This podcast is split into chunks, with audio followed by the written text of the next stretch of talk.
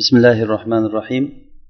إن الحمد لله تعالى نحمده ونستعينه ونستغفره ونعوذ بالله تعالى من شرور أنفسنا ومن سيئات أعمالنا. إنه من يهده الله فلا مضل له ومن يضلل فلا هادي له. ونشهد أن لا إله إلا الله وحده لا شريك له. ونشهد أن سيدنا وإمامنا وأستاذنا وقدوتنا محمدا عبد الله ورسوله صلى الله عليه وعلى آله وصحابته. ومن اهتدى بهديه إلى يوم الدين وسلم اللهم تسليما كثيرا أما بعد السلام عليكم ورحمة الله وبركاته biz alloh subhanava taoloni madadi bilan qasos surasini ba'zi bir shu suradan olinadigan foydalarni o'rganishlikda davom etamiz alloh subhanava taolo odamlarni zulumotdan nurga chiqarishlik uchun kitob nozil qildi payg'ambarlar yubordi Va mana shu kitobda odamlarni dunyoda va oxiratda najot topishligiga olib boradigan yo'llarni o'rgatdi va shu yo'ldan odamlarni adashtiradigan asosiy sabablarni va uni davolarini qur'on bayon qildi. Va bunga misol o'laroq qissalarni alloh taolo keltirdi. Bu qissalar faqatgina bir hikoya tarzida aytib qo'yiladigan narsa bo'lmadi. Qur'onda kelgan har qanday qissa u hayotda biz uchun katta bir qoida katta bir manhajni bizga bayon qilib beradi. Odamlar har xil partiyalardan har xil odamlarni fikrlaridan o'zlarini hayotiga yo'l olgan bir paytda mo'minlar alloh subhanava taolo nima degan ekan alloh subhanava taolo nima qilsak rozi bo'ladi deb ollohni ko'rsatmalari bilan alloh subhanava taoloni kitobi bilan hayotda yurgan mo'minlar mana bu haqiqatan ham alloh taolo o'zi ne'matini bergan kishilar bo'ladi. Biz qasos surasida asosan e, aytib o'tdikki bu surada odamlarni asosan adashishligini ikkita sababi bor. Birinchisi sulton ya'ni boshliqlarni zulmi va ularni odamlarga qo'rqitib turib noto'g'ri yo'lga olib ketib qolishligi va ikkinchisi boylik mol mulk haqida. Bu buni misolini alloh taolo qasos surasida boshida fir'avnni misolida ko'rsatib berdi. Fir'avn zolim bir diktator bo'lgan yaxshilikni qabul qilmaydigan nihoyat darajada firibgar bo'lgan muttaham bir e, rahbar edi. Va surani oxirida qorun haqida keladi. Bu qorun bo'lsa mol mulk juda ham katta bir ne'mat unga berilingan dunyoda. U manmansiragan holda bu yetishgan mol mulklarni men o'zim qildim deb turib e, manmansiragan unga ahli ilmlar da'vat qilgan.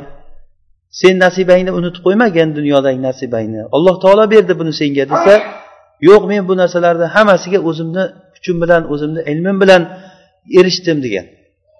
Alloh taolo ikkalasini ham fir'avnni ham qorunni ham odamlarni ko'zini oldida halok qildi. Fir'avnni suvga cho'ktirdi. Uni qavmini ham unga ergashgan uni ketidan yurgan askarlarni ham oqibati bir xil bo'ldi. Va qorinni oqibati ham odamlarni ko'z o'ngida uni o'zini ham uni uyini ham yer yutib ketdi. Biz hali qorinni hikoyasi keyinchalik aytamiz. O'tgan darslarimizda fir'avn bilan muso alayhissalom bilan bo'lgan qissani o'shandan olinadigan bizga hayotdagi foydalar haqida aytgan edik. Muso alayhissalom qanday qilib turib jur'at bilan shunday zolim bir e, podshohga borib ochiqdan ochiq da'vat qildilar. Hamma hujjatlarni ochiq bayon qildilar. Fir'avn bunga ko'nmagandan keyin alloh taolo bani isroil bilan birga chiqishlikni buyurdi. Ular chiqdilar bani isroil bilan. Orqasidan fir'avn uni askarlari bani isroilni orqasidan chiqdi va ikkita jamoat bir biriga yo'liqqan paytda bani isroil aytdiki bo'ldi endi biz shu yerda tutildik deganda muso alayhissalom yo'q robbim meni hidoyatlaydi o'zi yordam beradi. Keyin fir'avn suvga cho'kib ketdi. O'shandan keyin fosiq bo'lib qolgan qavmni muso alayhissalom qanday tarbiyaladilar? Qanday qilib turib fosiq bir necha yillardan beri buzilib qolgan xulqi buzilib ketgan tabiati buzilib qolgan odamlarni muso alayhissalom tarbiyaladilar. Biz o'tgan darslarda aytdikki odamlarni asosan yo'ldan buzgan narsa mana shu sulton bilan va mulk bo'ladi. Qur'on buni qanday insonlarni tarbiyaladi bunda? Qur'on aytib o'tdiki sizlar bilinglarki mulk faqat ollohniki buni bir qancha joylarda aytib o'tdi. Va bir qancha joylarda aytdiki ollohdan boshqa odamlar hech narsaga molik bo'lmaydi. Ya'ni vala yamlikuna misqola zarra. Misqola zarra degani bir zarra misqolichalik narsaga ham odamlar molik bo'lolmaydi kim bo'lishidan qat'iy nazar? Butun dunyo agar yig'ilib jamlansa ham zarra misqolichalik narsaga ega bo'lolmaydi la fis samavati vala fil ard. Vala asghara min zalik vala akbar. Osmonlarda ham yerda ham bundan kichigi ham katta ham hech narsaga ular ega bo'lolmaydi mo'minlar mana shu narsaga iymon keltirdi. Biz iymon keltirib e'tiqod qilamizki osmonlar va yerlar hammasi ollohni mulki. Osmon va yerda olloh xohlagan narsadan boshqa narsa bo'lmaydi. Ba'zi bir kuchli davlatlar agar bir qishloqni yo shaharni yo'qotib taktuvi bilan yo'qotib tashlayman desa yo'qotib tashlaydi deb e'tiqod qiladi ba'zi insonlar. Yo'q olloh xohlagandan keyin yo'qotsa yo'qotadi. Agar alloh taolo o'sha qishloqni yo'q bo'lishligini xohlasa yo'q bo'ladi bo'lmasa yo'q bo'lmaydi. Insonlar ham xuddi shunday. Hatto bir daraxtni bargini alloh taolo misol qildi biror bir daraxtni bargi tushsa ham ollohni ilmi bilan tushadi. Ya'ni daraxtni balgiki ollohni izni bilan ollohni ilmi bilan tushadigan bo'lsa insonga kelayotgan musibat insonga kelayotgan ne'mat hammasi ollohniki bo'ladi. La havla va la quvvata illa billah. Kuch quvvat hammasi ollohniki bir holatdan bir holatga o'zgarishlik faqat olloh bilan bo'ladi. La havla havl bu ya'ni bir holatdan ikkinchi holatga o'zgarish. Boylikdan kambag'allikka yoki kambag'allikdan boylikka o'zgarish. Kichiklikdan katta bo'lishlik ilmsizlikdan ilmli bo'lishlik xorlikdan azizlikka ko'chib o'tishlik bu holatlar hammasi olloh bilan bo'ladi. Mo'minlar mana shu narsaga iymon keltirdi. Ammo mo'min bo'lmagan kishilar bo'layotgan bo'lsa va ba'zi bir iymoni zaif bo'lgan kimsalar bo'lsa ular izzatni ollohdan boshqada deb o'yladilar. Mana bu insonni jaholati bo'ldi. Va yana ular o'ylashdiki biz dunyoda yaxshi yashaymiz qachon ollohni shariatiga amal qilmasak o'shanda tinch yuramiz. Ollohni shariatiga amal qilgan kunimiz bizni atrofdan odamlar kelib turib talab ketadi. Xuddi shu narsani biz o'tgan darslarda bayon qilgan edik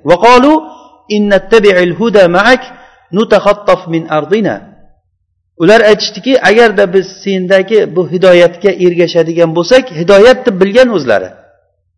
Ya'ni seni diningga ergashsak demayapti. Seni hidoyatingga agar biz ergashadigan bo'lsak atrofdagi qishloqlar atrofdagi arablar kelib bizni talab ketadi. Bu shariatga amal qildirishga qo'ymaydi hech kim degan. Shunda alloh taolo mana bu noto'g'ri aqidani ularga savol tarzida berib turib to'g'irladi sizlar hozir omonlikda yashayapsizlar bu omonlikni sizlarga shu atrofdagi qishloqlardagi odamlar berdimi yo olloh berdimi? Agarda qishloqlardan bergan bo'lsa nimaga sizlar tinch yashayapsizlarda atrofdagi qishloqlar boshqa bir shaharlar bir birini talab hamma joyda o'lim bo'lib yotibdiku? Demak buni sababi shariatga amal qilishlik yo qilmaslik masalasi emas bu. Mana shunday ulardagi va yana ularga alloh taolo sizlarni sig'inib yurgan olihalaring hech narsaga molik bo'lmaydi. Dunyoda ham oxiratda ham. Qiyomat kunida nido qiladiki qani sizlarni o'sha sheriklaringga ollohga teng qilib ulardan qo'rqib ularga sizlar nazrlar qilib o'shalardan sig'inib yurgan olihalaringni chaqiringlar qani yordam bersin deganda hech kim javob berolmaydi bu javob berolmasligini kofirlarni o'zlari ham shu narsani tan olishgan edi. Hech qaysi kofir turib o'sha paytda mushriklardan birortasi turib rasulullohga aytmadiki yo'q bizni olihalarimiz javob beradi qiyomat kuni yordam beradi demadi.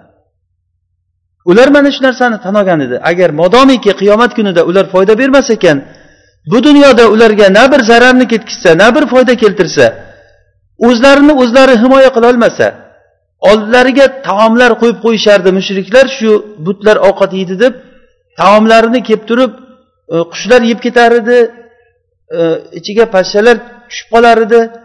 Shularni himoya qilolmagan olihalar ustilariga chumchuqlar axlat tashlab ketgan holatda o'zlarini himoya qilolmagan olihalar ular qanday qilib turib qiynalgan odamga yordam bersin?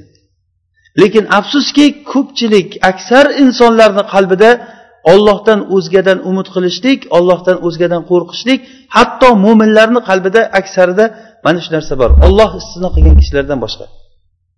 Xuddi shu narsani to'g'irlashlik uchun shu narsani aqidani shu iymonni mustahkamlashlik uchun qur'onda har xil suratlarda bizga shuni o'rgatdi alloh taolo. Va biz oxiri to'xtab qolgan joyimiz e, hidoyat masalasi bo'yicha gapirayotgandik. Ular aytishdiki makka mushriklari agar biz hidoyatga ergashadigan bo'lsak e, biz shunaqangi e, atrofdan odamlar bizni talab ketadi. Alloh taolo bularga e, javob berdi. Va keyin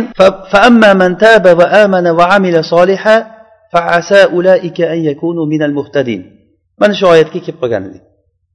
Ya'ni alloh taolo aytdiki kimda kim agar tavba qilsa iymon keltirsa va solih amal qilsa faasa ulayka yakunu minal muflihin. Ana o'sha odamlar najot topgan odamlar bo'ladi. Demak hamma odam najot topishlikni xohlaydi. Kofir ham mo'min ham hamma odam. Hozir dunyoda kimga qarang bir o'sha ishi muvaffaqiyatga uchrashligini xohlaydi. Hech kim dehqonchilik qiladida shu dehqonchiligim yo'q bo'lib ketsin deb turib hech kim urug' sochmaydi nima ish qilsa ham tijorat qiladimi dars o'qiydimi yo kasb qiladimi? Nima qilsa ham o'sha ishi bir samara berishligi uchun qiladi. Bu qoidada hamma muttafaq mo'min ham kofir ham. Lekin tadbiqqa kelgan paytda odamlar o'sha tadbiqda xato qiladi yo'lida. Xuddi shu tadbiqdan biri shu tadbiqdan biri ollohni shariatiga amal qilishlik odamlarga yomonlikni olib keladi degan tushuncha. Shariatga amal qiladigan bo'lsak biz qiyinchilikka tushib qolamiz. Atrofdan odamlar bizni qiynaydi. Har xil musibatlarga uchraymiz. O'sha uchun shu kofirlar rozi bo'ladigan yo'lni tutib biz shu yo'l orqali borishligimiz kerak. Degan narsa aksar mo'minlarni qalbida shu narsa bor. Til bilan aytamiz to'g'ri ollohni shariati zarur ollohga itoat qilish kerak deyiladi. Lekin tadbiqqa kelgan paytda ko'p joylarda inson noto'g'ri yo'l tutadi. Masalan xuddi fir'avn bilan sehrgarlari muso alayhissalomga qarshi chiqqan paytda sehrgarlar bir biriga aytdiki askarlar hamma jamoatlaringni chaqiringlar bir birlaringga yordam beringlar. Ya'ni bugun kim agar g'olib chiqsa o'sha o'sha odam o'sha yutadi o'sha odam e, najot topadi deb aytishdi. E, ya'ni ular o'yladiki kim agar shu yengib chiqsa gapda bitta gapdan qolmasa shu hozir suhbatlashgan vaqtida muso alayhissalom jim bo'lib qolsa agar gapda tamom sizlar nojot topasizlar dedi. Ko'pchilik odamlarni fikri shu masalan majlisda o'tirgan paytda bir ikkita ahli ilm yo boshqa bir odamlar munozara qilib qolsa iloji boricha o'sha majlisda g'olib bo'lishlikka harakat qilishlikni va atrofdagi odamlar ye falonchi o'zini raqibini jim qilib qo'ydi. Uni umuman gapirtirmay qo'ydi degan tushunchaga borishligi o'shani o'ziga nojoh deb o'ylaydi. O'zi asli najoh va faloh deganligi odam najot topishlik deganligi lug'atda olganda bu arab tilida al favzu val najahu val baqou degan ma'nolarni beradi. Ya'ni bir narsani najot topishlik uchun unga erishishlik kerak odam. Va erishgandan keyin u narsada mustaqil bo'lishlik kerak. Siz avval qo'lga kiritishingiz kerak. Masalan bir dehqonchilik qilyapsiz. Shu dehqonchilikda najot topdi deganligi hosilni yig'ishtirib olishingiz kerak. Ungacha qancha gaplar o'tadi? Qancha bu yerda uni musibatlari bor yo'qotib yuboradigan narsalari bor qushiyib ketishi mumkin qurt yeb ketishi mumkin. U to o'sha xirmonga kelib turib oldingizga tushmaguncha najot topdim deyolmaysiz xirmonga tushgandan keyin ham u narsada sizga sheriklar bo'lmaslik kerak.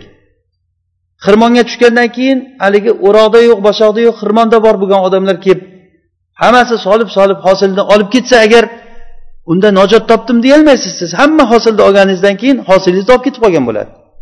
Bu mustaqil bo'lish degani o'zi e, aflaha kalimasi ya'ni mustaqil bo'lish ma'nosida ham keladi. Ibn masud roziyallohu anhu aytganlar agarda bir er o'zini xotiniga istaflihi bi amriki desa faqolat qobiltu banat minhu. Ya'ni aytdilarki agarda bir er xotiniga istaflihi bi amriki degani o'zingni ishingda o'zing mustaqil bo'lgin bilganingni qilavergin desa bo'ldi men shuni xohlayman desa taloq bo'ladi xotini boyin bo'ladi degan. Ya'ni arab tilida istaflihi kalimasi istaqilli ya'ni mustaqil bo'lgin degan ma'noda ishlatiladi. Demak aflaha kalimasini ichida mustaqil bir narsaga erishgandan keyin o'sha odamni qo'lida bir mulk bo'lib bir bir najoh bo'lib bir yutuq bo'lib tushishligi kerak u. Va yana uchinchi ma'nosi boqiy qolish ma'nosi ham bor. Bir najotga erishgandan keyin o'sha najot agar davom etmasa hosilni oldingiz yetishtirdingiz xirmonga kirgizdingiz o'zingizniki bo'ldi. Uyga olib kelgandan keyin ertasi kuni o'g'ri urib ketdi. Bunda ham bir najot topdim deyolmaydi shuncha qilgan peshana terisi ketdi. Boshqa narsalarni ham xuddi shunday biz tasavvur qilamiz.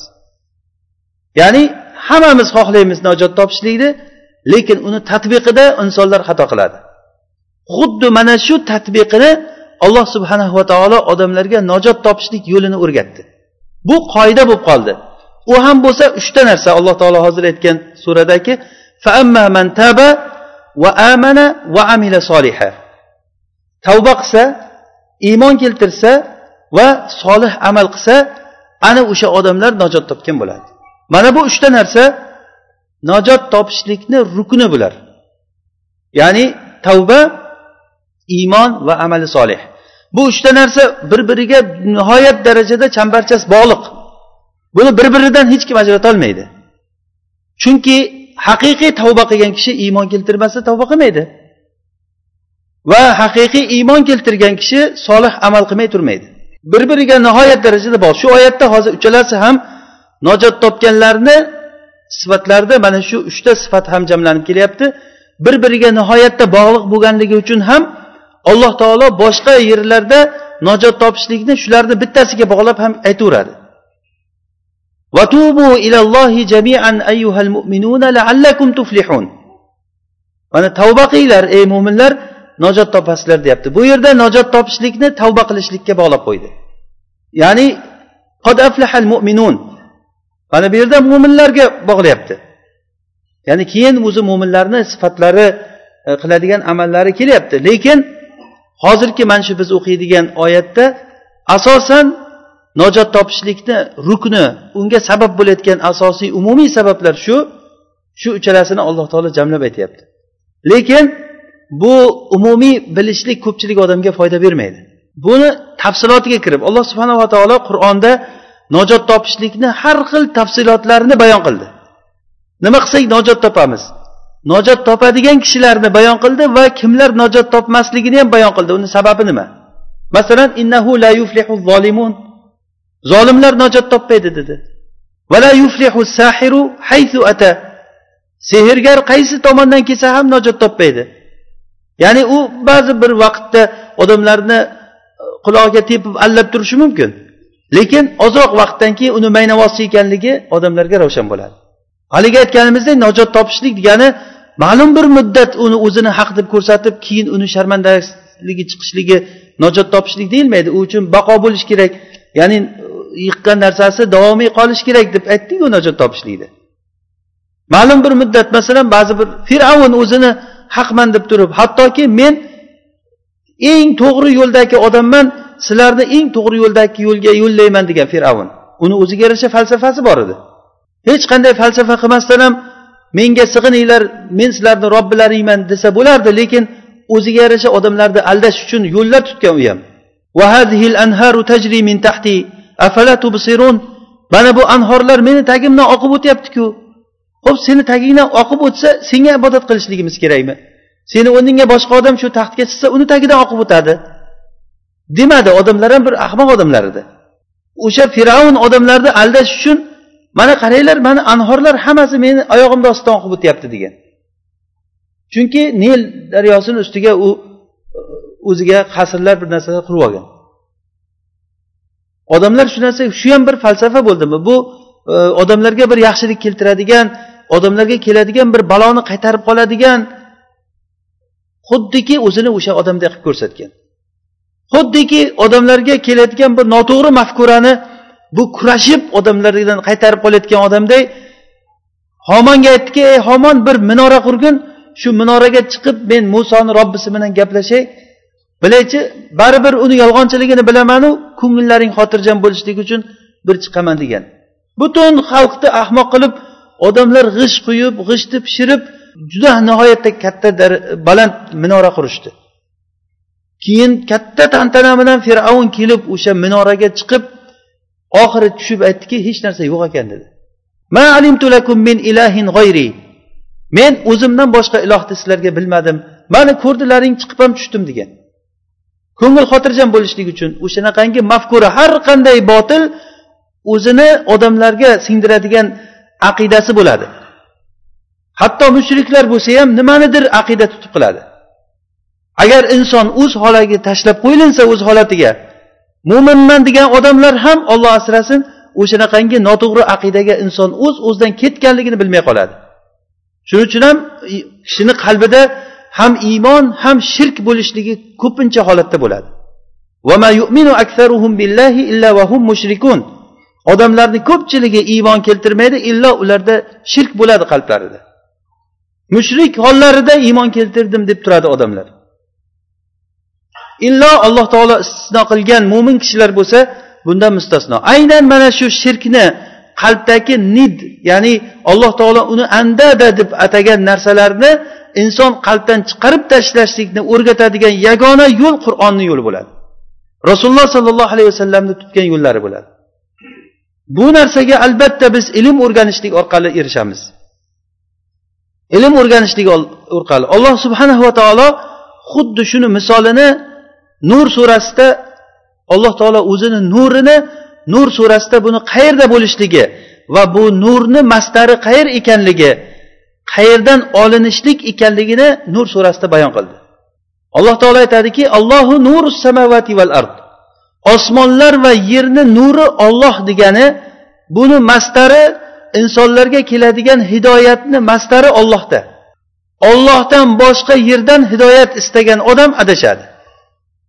Chunki olloh odamlarni yaratdi o'zini yaratgan kishilarni o'zi biladi. Ala ya'lamu man xalaq va huval latiful xobir o'zini yaratgan kishilarni o'zi bilmaydimi olloh nima foydali ularga nima ziyon? Ularga nima sol isloh qiladi ularni va nima ularni buzib yuboradi alloh taolo juda ham yaxshi biladi. Va alloh taolo bu nurni manbasi olloh ekanligini aytdi. Va bu nur qayerda bo'ladi?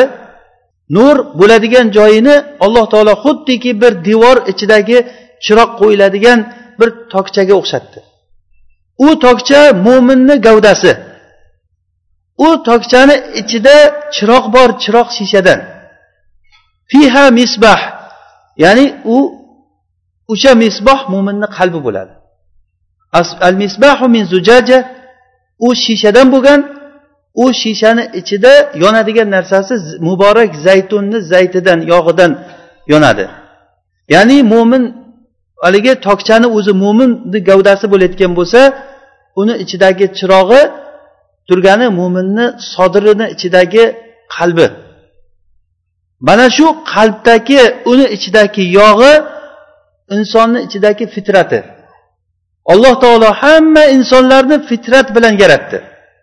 Ya'ni bu fitrat degani haqni va nohaqni inson shunday qaragan paytda bu haq bu nohaq deb ko'ra oladigan narsa. Yolg'onni yomon ekanligini hamma biladi. Fahsh ishlarni yomon ekanligini hamma biladi. O'zidan kattani hurmat qilishlik o'zidan kichiga rahm qilishlik buni hatto kofirlar ham biladi bu narsani. Ya'ni bu inson ichidagi fitrat bo'ladi. Alloh taolo bandalarni xuddi shunday to'g'ri fitratda yaratgan. Inni xalaqtu ibadi hunafaa. Men odamlarni bandalarimni to'g'ri holatda yaratdim dedi alloh taolo. Keyin ularni shaytonlar kelib ularni ovlab ketdi. Shaytonlar kelib ularni yo'ldan ozdirib ketgan. Demak mo'minni qalbi xuddiki bir chiroqqa o'xshatilgan shu chiroqni ichidagi yog'i uni fitrati bo'ladi. Lekin bu nurni qayerdan oladi desak oyatni davomida fi buyutin. Azinallohu an turfa'a va yuzkara fiha ismuhu yusabbihu lahu fiha bil g'uduvi val asol rijal. Ya'ni ollohni uylarida masjidlarda bo'ladi u nur degan. Demak biz nur istaymiz hammamiz hidoyat istaymiz. Qalbimizda o'sha nurni qabul qiladigan qalbimizda fitrat bor. Shu fitratni yoqadigan narsa bu yog' bilan yonadi. U fitrat o'sha. Lekin unga olov kelmasa u yoritib o'zi yoritadi qanchalik darajada lekin olov tekkandan keyin nur ustiga nur bo'ladi. Nurun ala nur. Yahdillahu li nurihi man yasha. Xuddi shu narsa ollohni hidoyati. Alloh subhanahu va taolo hidoyatni mastari qayerda ekanligini bayon qildi. Ya'ni hidoyatni nurni mastari ollohni o'zi. Va bu nurni qayerdan olamiz? Kim oladi uni? Mo'min kishi oladi. Qalbida fitrasi fitrati bor bo'lgan odam oladi. Qayerdan oladi uni? Masjidlardan oladi uni. Fi buyutin uylardan oladi. Kimlar oladi uni? Tijorat va o'yin kulgular ularni g'aflatda qoldirmagan haqiqiy rijol bo'lgan kishilar oladi buni. Bu mana shunday dars majlislari ilm majlislari. Ollohni uylarida yig'ilib ollohni eslab ollohni zikr qilib turib ollohni dinini hidoyatni nurni ta'lim oladigan odamlar xuddi shunday alloh subhanava taolo nur surasida maqtagan insonlar bo'ladi. Demak biz hozir e, nojot topishlik haqida suhbat qilar ekanmiz. Aytdikki har bir odam nojot topishlikni xohlaydi lekin tadbiqda ya'ni o'sha narsani ishlatishlik yo'lida adashadi. Fir'avnni sehrgarlarini tutgan yo'li xuddi shunday bo'ldi. Ba'zi odamlar ziyonsiz yurishlik uchun o'sha ziyonsiz hech qanday bir hayotda bir yaxshi bo'lib yashab yurishlikni xohlaydi. Hammamiz ham xohlaymiz buni. Lekin o'sha yaxshilik bo'lib yurishlikni o'zini nojot topishlik deb o'ylaydi. Va shuning uchun ham o'sha uchun hamma narsaga rozi bo'ladi. Kerak bo'lsa o'sha tinch yurishlik dinini evaziga bo'lishligi mumkin. Tinch yuradi nima uchun? Dinidan voz kechganligi uchun. Agar dinini qilsa tinch yurmaydi. Dinidan voz kechsa tinch yuradi. Bo'ldi tinch yuribdimi nojot topdim deb o'ylaydi. Men juda ham tadbirli odamman. Meni aqlim ishlaganligi uchun siyosatni yaxshi tushunganligim uchun muomalani murosai madorani qila olganligim uchun mana alhamdulillah o'zimni uyimda joyimda tinchgina yuribman deydi. Lekin o'sha tinchgina yurishlikni inson nojot topishlik deb o'ylaydi. Aslida nojot topishlik biz kelishdikki bu nojot topishlik degani oxirigacha bo'lishlik kerak. Bu qanchalik boradi bu? O'sha yurishda ollohga yo'liqqan paytda inson najot topgan bo'ladimi? Ammo kim najot topgan bo'ladi?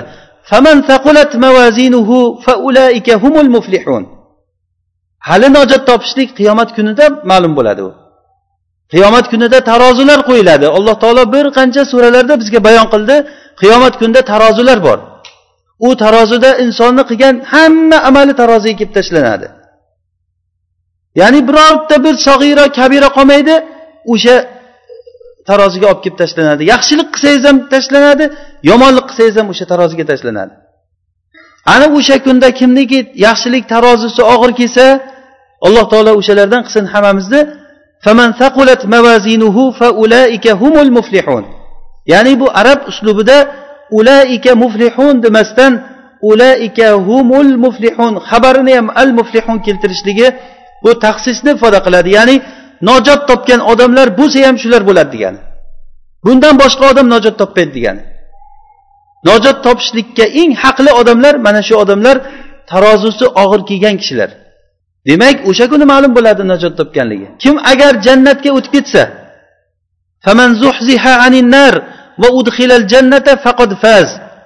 kimki agar do'zaxdan uzoqlashtirilib jannatga kirgizilinsa ana shu odam yutdi degani. Faz degani u safar topdi tamom yutdi degani. Sahobalar mana shu tushunchani nihoyat darajada yaxshi tushungan ular o'sha uchun ham ular qiyomat kunida tarozisini og'ir qiladigan narsaga amal qilishgan. Tarozini og'ir qiladigan narsa bilan ko'p amal qilishlikni o'rtasida farq bor. Kim ko'p amal qilsa demagan qur'onda kimniki tarozisi og'ir bo'lsa degan. Tarozisini og'ir bo'lishligi uchun u tarozini nima tosh bosadi buni biz shariatdan o'rganishligimiz kerak. Nima qilsak tarozi og'ir bo'ladi. Qaysi amalni qilsam meni tarozim og'ir keladi. Ayni shu savol rasululloh sollallohu alayhi vasallamdan sahobalar so'rardi. Ey rasululloh menga bitta amalni o'rgating shuni qilayinda jannatga kirayin degan. Ya rasululloh dullani ala amalin ida amiltuhu daxaltul janna. Bitta amalni ayting shuni qilayda jannatga kirayin. Bu savolni hozirgi kunda hech kim bunaqa savol bermaydi bir birimizga nimaga bu savol yo'qolib ketgan? Chunki o'sha tarozini og'ir qilishlikka bo'lgan odamlardagi tushuncha o'shandagi e, o'shani eslashlik yo'qolib qolgan odamlarda agar shu kunni eslab tursa hamma harakati o'shanga qarab bo'ladi. Hattoki jihod maydonida shahid bo'layotgan paytida ham o'ldirgan paytda fuztu va robbil kaba deb o'lganlar. Ya'ni erishdim yetishdim niyatimga deb o'lib ketgan. Shahid bo'lish paytida. Demak ularni ko'z oldida turgan. Shuning uchun ham tarozini og'ir qilayotgan narsa. Masalan e, juvayriya roziyallohu anhu rasululloh sollallohu alayhi vasallamni ayollari bir kun zikr qilib o'tirdilar. Zikr qilib o'tirib bomdoddan keyin to choshgoh paytigacha zikr qildilar. Rasululloh sollallohu alayhi vasallam chiqib ketayotgan paytlarida zikr qilib o'tiruvdilar. Rasululloh choshgoh paytda qaytib kelsalar hali ham o'sha joyda zikr qilib o'tiribdilar. Shuncha payt sen zikr qilib tasbeh aytib o'tirdingmi deganda ha o'tirdim shuncha vaqt o'tirdim deganda rasululloh aytdilarki men senga to'rtta kalimani aytaman. O'sha to'rtta kalima seni shuncha vaqt qilgan zikring bilan taroziga qo'yganda to'rtta kalima og'ir bo'ladi degan. Subhanallohi adada xalqihi va zinata arshihi va rido nafsihi va midada kalimatihi.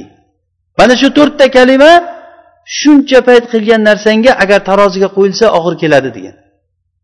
Demak biz tarozida nima qaysi tosh og'ir keladi qaysi tosh tarozida yengil keladi bularni darajasini buni bilishligimiz biz shariatni o'rganishligimizdan kelib chiqadi.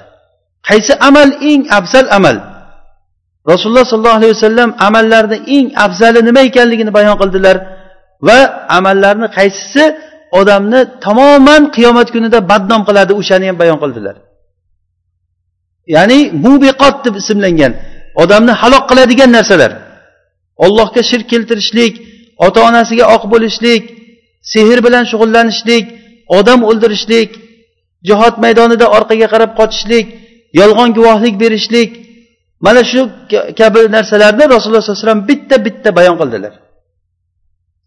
Biz yuqorida aytib o'tdikki najot topishlikni arkonlari asosan uchta tavba va iymon keltirishlik va solih amal qilishlik. Lekin buni o'zi kifoya qilmaydi buni bilishligimiz biz buni tafsilotini bilishligimiz kerak. Tafsiloti qanday bo'ladi? Masalan bir kishi masalan umumiy bir narsani bilishligi mumkin. Masalan moshinani olayotgan bo'lsak ko'pchilik odam hozir tushunadigan narsa umumiy suratda moshina qanday yurishligini biladi. Motor aylanadi dvigatel harakatga keladi u bo'ladi bu bo'ladi. Masalan e, moshina qanday yurishligini mujmal holatda ko'pchilik biladi. Lekin uni tafsilotiga kirgan paytda uni masalan elektr nimalari bor kahribo deydi o'sha sistema deymizmi nimasi nizomi? O'shanaqangi narsa yoki boshqa masalan unga qayerdan benzin keladi qayerdan yonadi nima ayb bo'lsa masalan moshina zavod olmay qoladi o'chib qoladi harakatga kelmaydi. Bunaqangi narsalarni bilishlik uni tafsiloti deyiladi. Kim o'sha narsani tafsilotini qanchalik yaxshi bilsa shunchalik shu uh, nimani yaxshi bajaradi va shu unga itoat qiladi. Va najot topadi o'sha odam. Ammo kimdir kimki uni mujmal bilayotgan bo'lsa bir joyi kelgan paytda to'xtab qolishligi hech gap emas. Joyi kelganda u to'xtab qolishligi hech gap emas. Mana shu narsa tafsilotini bilish degani. Alloh subhanava taolo aynan shuni tafsilotini bizga bayon qilgan. Biz bugun darsimizda e, najot topishlik sabablari haqida aytib o'tamiz ba'zi bir sabablari haqida. Ya'ni nima qilsak najot topamiz? Buni albatta qur'ondagi alloh taolo bizga aytgan oyatlarni o'qib berishlik bilan o'rganamiz. Birinchisi iymon keltirishlik. Ya'ni najot topishlikni sabablarini eng birinchisi iymon keltirishlik bo'ladi. Agarda kimki iymon keltirsa ana o'sha odam najot topadi alloh taolo aytadiki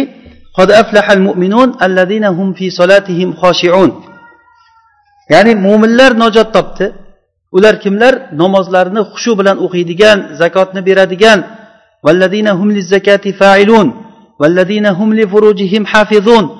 O'zlarini e, yomon ishlardan munkar ishlardan fahsh ishlardan o'zini tiyadigan kishilar.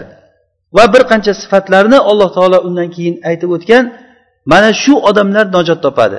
Najot topishlik sabablaridan birinchisi iymon. Agar iymon keltirmadimi u odam umuman najot topmaydi. Biz mana shu narsaga iymon keltiraylik. Iymon keltirmagan odam har qancha yaxshi bo'lsin najot topmaydi u. Dunyoda ham najot topmaydi oxiratda ham najot topmaydi. Dunyoda najot topgan bo'lib ko'rinishligi mumkin. Lekin afsuski shu narsani ko'pchilik tushunmaydi. Hatto iymonsiz bo'lsa ham agar uni yaxshi moshina minib yurganligini ko'rsa yaxshi yaxshi uylarda yashayotganligini ko'rsa ich ichidan odamdan o'tadiki shu odamga olloh bergan ekan haqiqatdan yutibdi shu odam deb o'ylaydi. Lekin u yutganmi yutqizganmi u odam? Alloh taolo nima deyapti o'shani? U odam yutqizdi deyapti. Hatto nimani yutqizdi u? Qiyomat kuniga borganda nimani yutqizadi u odam? Alladina xosiru anfusahum fahum la yu'minun. Iymon keltirmagan odamlar u o'zlarini ziyon qilgan odamlar. O'zini moshinasini boy berib qo'ygan hovli joyini boy berib qo'ygan kiyimidan ajralib qolib yalang'och qolgan ovqatsiz qolgan odam farzandlaridan ajralgan oilasidan butun insonlardan ajralgan odam emas o'zini ziyon berib qo'ygan. Bu ziyon ko'rish bundan boshqa bo'lmaydi o'zi. Inson uchun eng aziz narsa eng yaxshi ko'rgan narsa o'zini nafsi bo'ladi. Qiyomat kunida o'shani ziyon ko'rib qo'ygan odamlar o'shani yutqizib qo'ygan odamlar alladina xosiru anfusahum fahum la yu'minun. Bu birinchisi. Yana najot topish sabablaridan biri qad aflaha man tazakka va zakara robbihi fasolla mana alloh taolo aytyaptiki kim najot topadi o'zini nafsini poklagan odam najot topadi.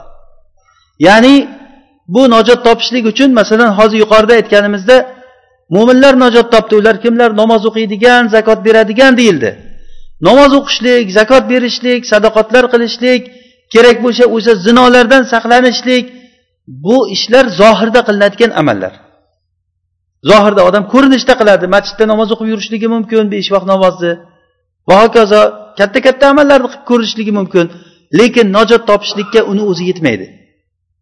Masalan odamlar najot sabablarini birini qilishligi mumkin. Najot sabablaridan biri masalan namoz o'qishlik najotga sabab bo'ladi. Biz mana shu narsani tushunishligimiz kerak. Namoz o'qishlik najotga sabab bo'ladi lekin boshqa bir qancha uni yo'q qiladigan ishlarni qilishligi mumkin. Namoz o'qib namoz o'qib yurgan bilan lekin ichidagi agar nafsini poklamasa u odam najot topolmaydi. Bu nafsni poklashlik qalbni tozalashlik bilan bo'ladi. Tazkiyatun nafs bu nafsni poklashlik. Qalbdagi marazlarni o'rganish va shu marazlardan qutulishlik. Bu hazilakam narsa emas bu. Bu narsa ilm talab qiladi. Bu vaqt talab qiladi. Amal qiyinchilikni talab qiladi bu narsa. Bir qancha vaqt masalan ixlosni ta'lim olishligingiz mumkin. Ixlos bilan bir ishni qilib olloh uchun qilib mana shu bilan rohat qilib odam olloh uchun qiladigan harakatlaringizni qilib mana shunday inson hech qilib ko'rganmi shu narsani? Bir ish qilingki o'ziz biling olloh bilsin. Bu narsa oson narsa emas bu. Illo alloh taolo o'zi qalbini ochib qo'ygan odamlar uchun bu oson albatta. Lekin bu albatta bu riyozatga muhtoj bo'ladigan narsa bu. Xuddiki odamni badani agar badanga qarab turmasangiz nima bo'ladi? Masalan badan suv talab qiladi. Har kuni qancha suv talab qiladi? Ovqat talab qiladi. Beramizmi o'sha badanni haqqini? Uyqu talab qiladi. Uyqusini beryapmizmi? Va bu bu badanni yo'q qiladigan narsalar bor. Saqlanib yuramizmi? Olovga tegizmaymiz qo'limiz kuyib qolmasin deb. Issiq suvga qo'limizni tiqmaymiz sovuq suvga qo'limizni tiqmaymiz. Bir sovuq joyda o'tirmaymiz kasal bo'lib qolmayin deb. Terlab turgan paytda yaxday suv ichmagin deb bolalaringizga o'rgatasiz. Badanni saqlash uchun.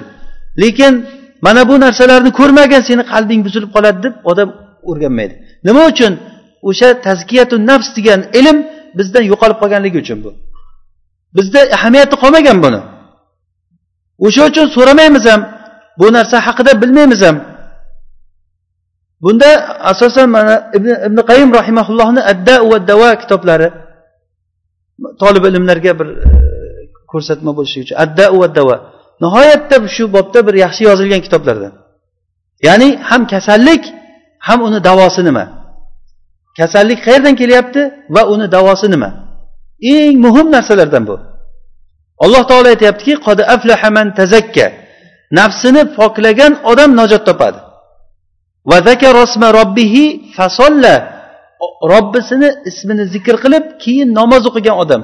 Namoz o'qishlikni keyin keltiryapti. O'zi asli namoz nima uchun o'qiladi? Namozdan maqsad nima? Namozdan maqsad ollohni zikr qilishlik va aqimis solata li zikri. Namoz o'qigin meni zikr qilishlik uchun degan alloh taolo. Namoz o'qiymiz ollohni eslash uchun. Agar namoz bizga ollohni eslatmaydigan bo'lsa bu o'zini joyida bo'lmayapti degan foydasi bo'lmay qoladi bu namozdan. Inna solata tanha anil fahshai val munkar va la zikrullohi akbar. Namoz fahsh munkar ishlardan qaytaradi va ollohni eng katta zikri bu. Agarda bu namoz bizga ollohni eslatmaydigan bo'lsa bu namoz u uchun mashru bo'lgan u uchun shariat qilingan o'zini natijasini bermaydigan bo'ladi. Yana qalb amallaridan biri taqvo. Taqvo bu rasululloh sollallohu alayhi vasallam aytganlar at taqvo hahuna deganlar. At taqvo hahuna qalblarini ishora qilib ko'rsatdilar. Taqvo qalbda bo'ladi. Bo'lmasa davo bilan hamma taqvodor. Hatto odamlar o'zini taqvosini boshqa narsalarga misol qiladigan bo'lgan. Bu ish meni taqvomga to'g'ri kelmaydi deydi. Yoki o'zini misol qilib turib gapiradi boshqalarga aytganda hech ko'rganmisan meni shu ishni qilganligim dedi. Menga bu to'g'ri kelmaydi deydi. Meni taqvomga bu to'g'ri kelmaydi. Odam o'zini o'zi poklayveradi lekin rasululloh sollallohu alayhi vasallam aytyaptilarki taqvo mana bu yerda bo'ladi. Taqvo qalbda bo'ladi. Bir amalni ikkita odam bajaradi. Bittasiniki hech narsa bo'lmay bajargan joyida qolib ketadi. Ikkinchisiniki tog' tog' misolchi bo'lib turib ko'payib ketishligi mumkin. Bu nima bilan bo'ldi bu? Qalbdagi ixlos bilan taqvo mana shu narsa. Sabaqa dirhamun bi alf. Mana bir dirham ming dirhamdan o'tib ketdi. Bir dirham ming dirhamdan oshib ketdi. Nima bilan oshib ketdi bu? Masalan ba'zan odam bir millionni olloh yo'lida berib yuborishligi mumkin.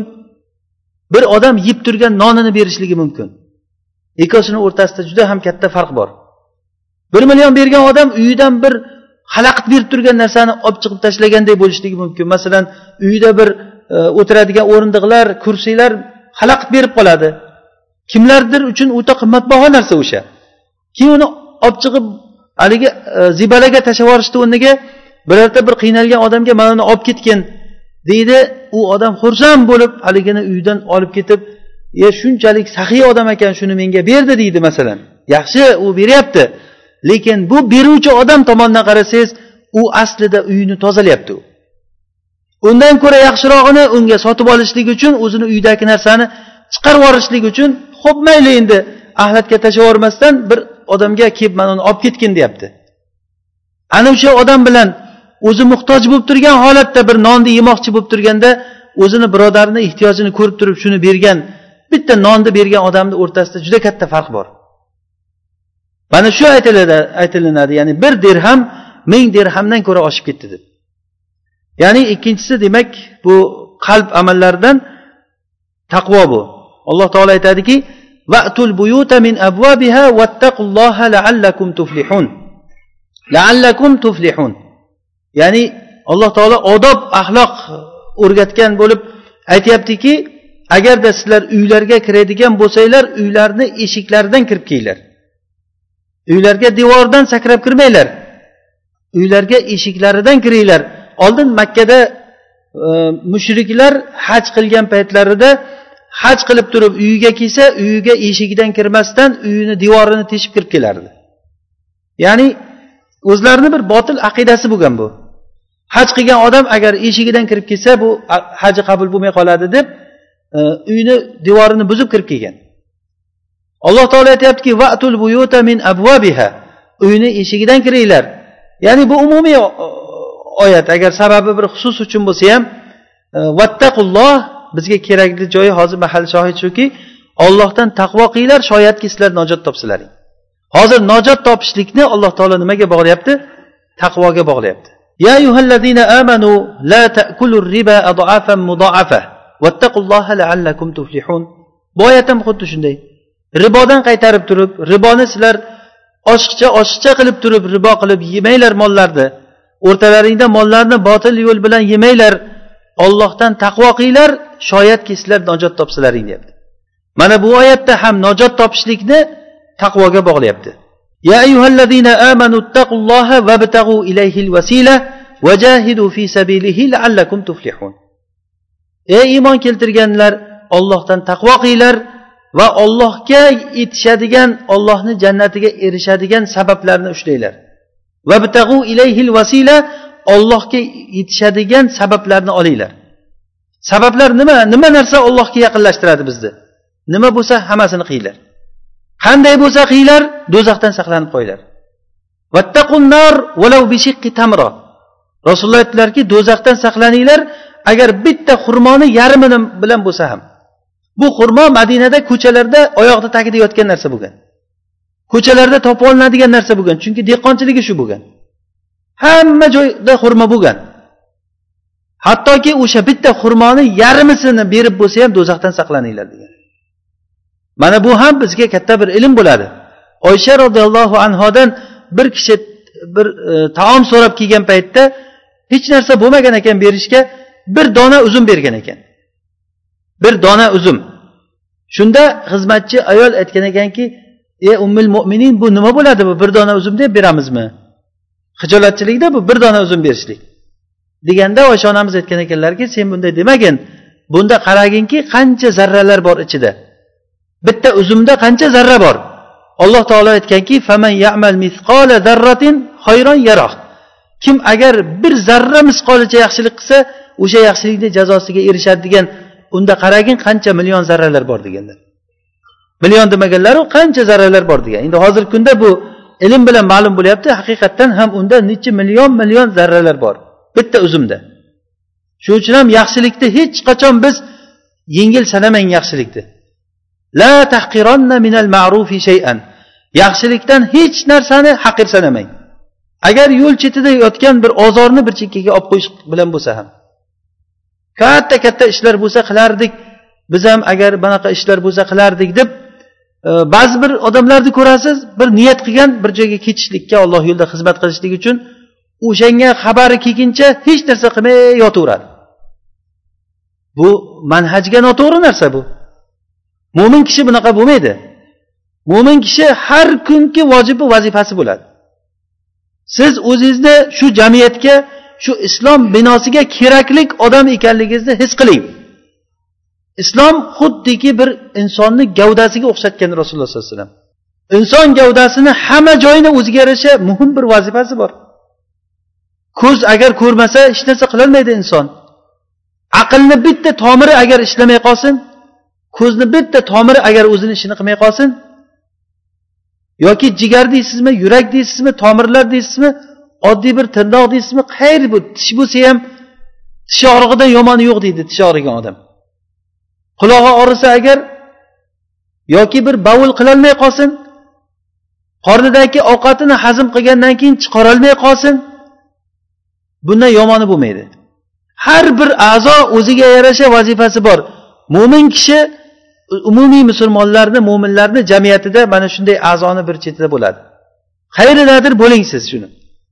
Yo mo'minlarni qo'li bo'ling yo mo'minlarni oyog'i bo'ling yo ko'zi bo'ling yo boshi bo'ling yo xayr bo'lsa ham bir joydan inson manfaat keltirishi kerak. Mana shu bilan inson o'zini shu mo'minlarni jamiyatidan deb biladi. Rasululloh sollallohu alayhi vasallam aytganlarki mo'minlarni ishi bilan ishi bo'lmagan odam bizdan emas deganlar.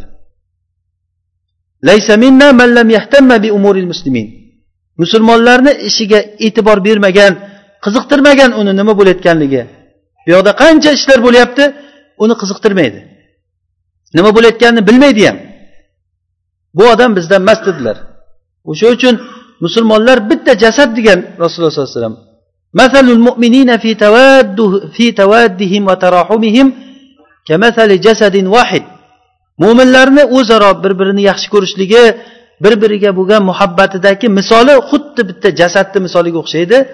Agar shu jasaddan bitta a'zosi agar agar kasal bo'layotgan bo'lsa jasadni qolgan joylari bir birini chaqiradi uyqusizlik bilan va isitma qilishlik bilan o'sha joyga chaqiradi. E menga nima deb turib uxlayvermaydi qulog'i og'rigan odam kechasini uxlolmaydi boshi og'riydimi quloq og'riydimi tish og'riydimi qayeri bo'lsa ham a'zosida bir joy og'risa hatto oyoq og'risa ham masalan kechasi bilan uxlamaydi odam. Musulmonlarni mo'minlarni holati mana shunday bo'ladi.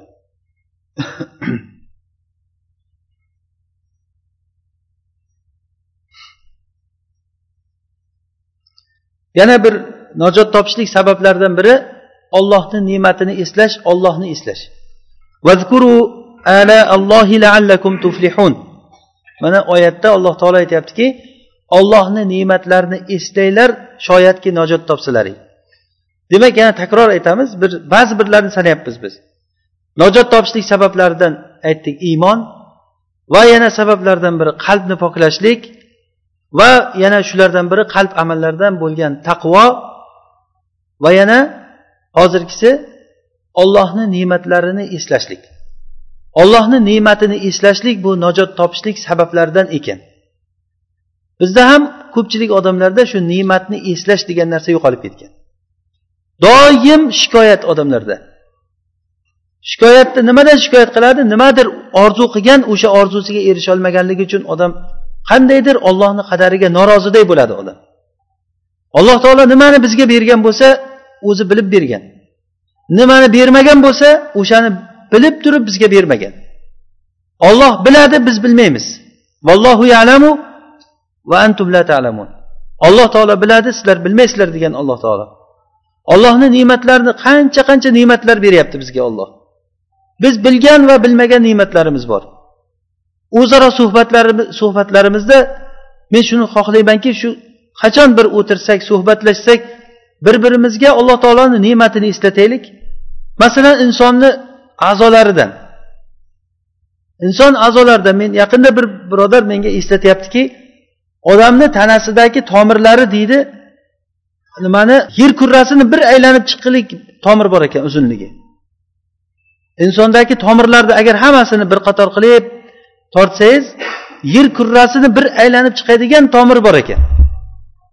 Endi siz o'shani o'ylab ko'ring bu tomirlarni hammasini ichidan qon aylanadi. Agar buncha uzun masofadagi bitta agar shlankani olib turib yer kurrasini aylanadigan shlankani olib turib o'sha shlankani agar to'g'ri qilib tortib tortsangiz ham yoki uni aylanasiga aylantirib qo'yib unga buyog'idan suv ulab narigi tomondan chiqaraman desangiz agar qancha katta bosim kerak unga? Qancha katta bosim u suvni narigi tomondan chiqara oladi? Unga hech qanday narsa uni chiqarolmaydi katta bir qarshilik bo'ladi unda. Bu kishi aytyaptiki insonni a'zosidagi o'sha tomirlar ichidan qonni o'zi haydaykan deydi. Har bitta tomir o'sha qonni o'zi harakatga kelib bu yoqdan yurak ozroq ishlab bersa narigi tomondan tomirlar o'zi yurg'izib olib ketar ekan. U tomirlarni nima harakatga keltiryapti ajabo? Alloh taolo o'shani harakatini berib turibdi. Alloh taolo har bir narsani quvutini quvut degani bu ozuqasini olloh berib turibdi harakatini olloh berib turibdi. Agar olloh harakatini bermasa shu joyda hozir to'xtaymiz hammamiz. Ko'zimizni ko'rishligi ham aqlimizni ishlashligi ham tilimiz ham qulog'imizni eshitishligi hozir olloh quvvat berib turibdi. Alhamdulillah hammamiz mana shu yerda o'tiribmiz. Alloh taolo o'zi beruvchi zot. O'zi beradi o'zi oladi. Mana shu bilan bir birimizga eslataylik olloh qancha ne'mat beryapti ollohni bergan ne'matidan bizdan nima qaytyapti allohga? Eng yomon narsa sizga ne'mat bergan kishiga sizdan nonko'rlik qaytishligi. Ya'ni undan ham yomoni undan ham yomoni sizga ne'mat berib ne'mat berib turgan zotdan faqat sizdan yomonlik qaytsada o'sha ne'matini hech tugatmasa. Ya'ni u ne'matni to'xtatib qo'ymaydidan keyin yana beraversa inson tarafidan faqat nonko'rlik qaytsa olloh tarafidan faqat ne'mat kelaversa. Alloh taolo buni bekordan bekorga ne'matini berib insondan nonko'rlik kofirlikni uni evaziga olishlikka rozi bo'lmaydi. Ya'ni alloh taolo rozi bo'ladi allohga shukur qilinishlikka va ammo kofir bo'linishlikka rozi bo'lmaydi. Bir vaqti kelgan paytda ollohni azobi juda ham qattiq bundan ogohlantirilingan ollohni azobi kelgan paytda inson najot topolmaydi. O'sha joyga borib qolishligidan oldin inson o'zini o'zi eplab olishlik kerak. Ollohni azobi juda ham qattiq. Bunga hech kim sabr qilolmaydi. Ollohni ne'mati katta. Agar shu ne'matga agar biz shukur qiladigan bo'lsak buni jazosi yana ham shukurni jazosi kelaveradi. Ammo bu shukur qilishlik faqat til bilan alhamdulillah alhamdulillah deb qo'yishlik bilan bo'lmaydi. Shukur bu amal bu. Amal i'malu ala davuda shukro ey davud oilasi shukur qilinglar degan alloh taolo shukurni amal deyapti. Shukur qilishlik bu amal masalan alloh taolo sizga farzand berdi. Shu farzandni shukronasi o'sha farzand yolg'iz ollohga ibodat qiladigan farzand bo'lishlik kerak o'shanday tarbiyalashingiz kerak. Agar shunday tarbiyalamasangiz ollohni bergan bu ne'matiga shukur qilgan bo'lmaydi odam. Endiki ollohni bergan bu ne'matini ollohga kofir bo'ladigan qilib tarbiyalasa nima bo'ladi bu? Ollohni dinini yo'q qilishlikka tarbiyalasachi buni? Bu o'sha nonko'rlikni bir turi bu. Ya'ni katta bir turlarida. Eng zolim odam kim? Eng zolim odam ollohni dinidan to'sqinchilik qilgan odam. Ollohni diniga qarshilik qilgan odam eng zolim odam. Ollohni nomiga yolg'on gaplarni to'qib chiqargan odam. Olloh bunday deb aytyapti.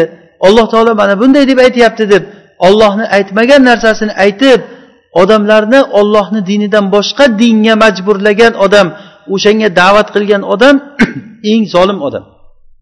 Bu ilmni ne'mati shuni shukronasi emas bu ochiqdan ochiq bu kofirlik ishi bu. Mana shuni agar ne'matni qanchalik biz eslasak alloh taolo bizga beraveradigan ne'matlarni qanchalik eslasak o'shancha bizda nojot topishlik sababi paydo bo'laveradi. Biz xohlaymiz najot topishlikni hammamiz. Demak najot topaylik degan gap bilan ish bo'lmaydi. Sabablarni ushlashligimiz kerak. Bu sabablari hozir aytganimizdek iymon keltirishlik taqvo qilishlik alloh taoloni ne'matlarini eslashlik buni bir birimizga eslatishlik majlislarda o'tirib ollohni ne'matlarini eslatsak agar qancha ne'matni alloh taolo bizga bergan.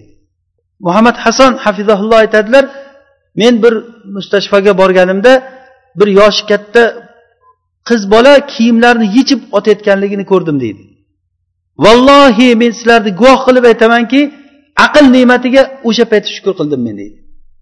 O'shangacha aql ne'mati nima ekanligini men o'ylab ko'rmagan ekanman deydi. Aqlni ne'mat alloh taolo mana shu ne'matni ko'rsatishlik uchundir balkim odamlarni ichida aqlsiz odamlarni chiqarib qo'yganligi. Ollohni bu zulm qilganligi uchun emas bu odamlarga.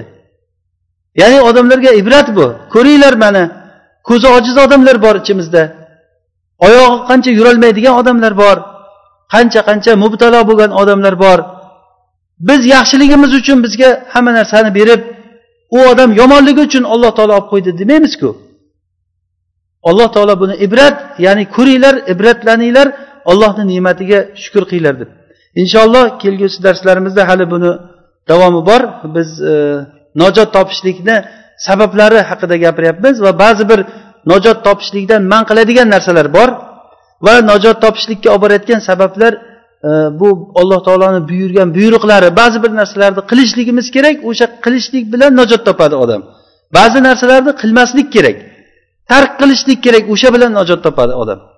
Inshaalloh alloh taolo qodir qilsa e, keyingi darslarda bularni aytamiz. Alloh taolo hammamizni hidoyatlasin. Rasululloh sollallohu alayhi vasallam aytganlaridek alloh taolo kimga agar yaxshilikni xohlasa uni dinida faqih qilib qo'yadi degan. Dinimizda faqih bo'lishligimizni alloh nasib qilsin.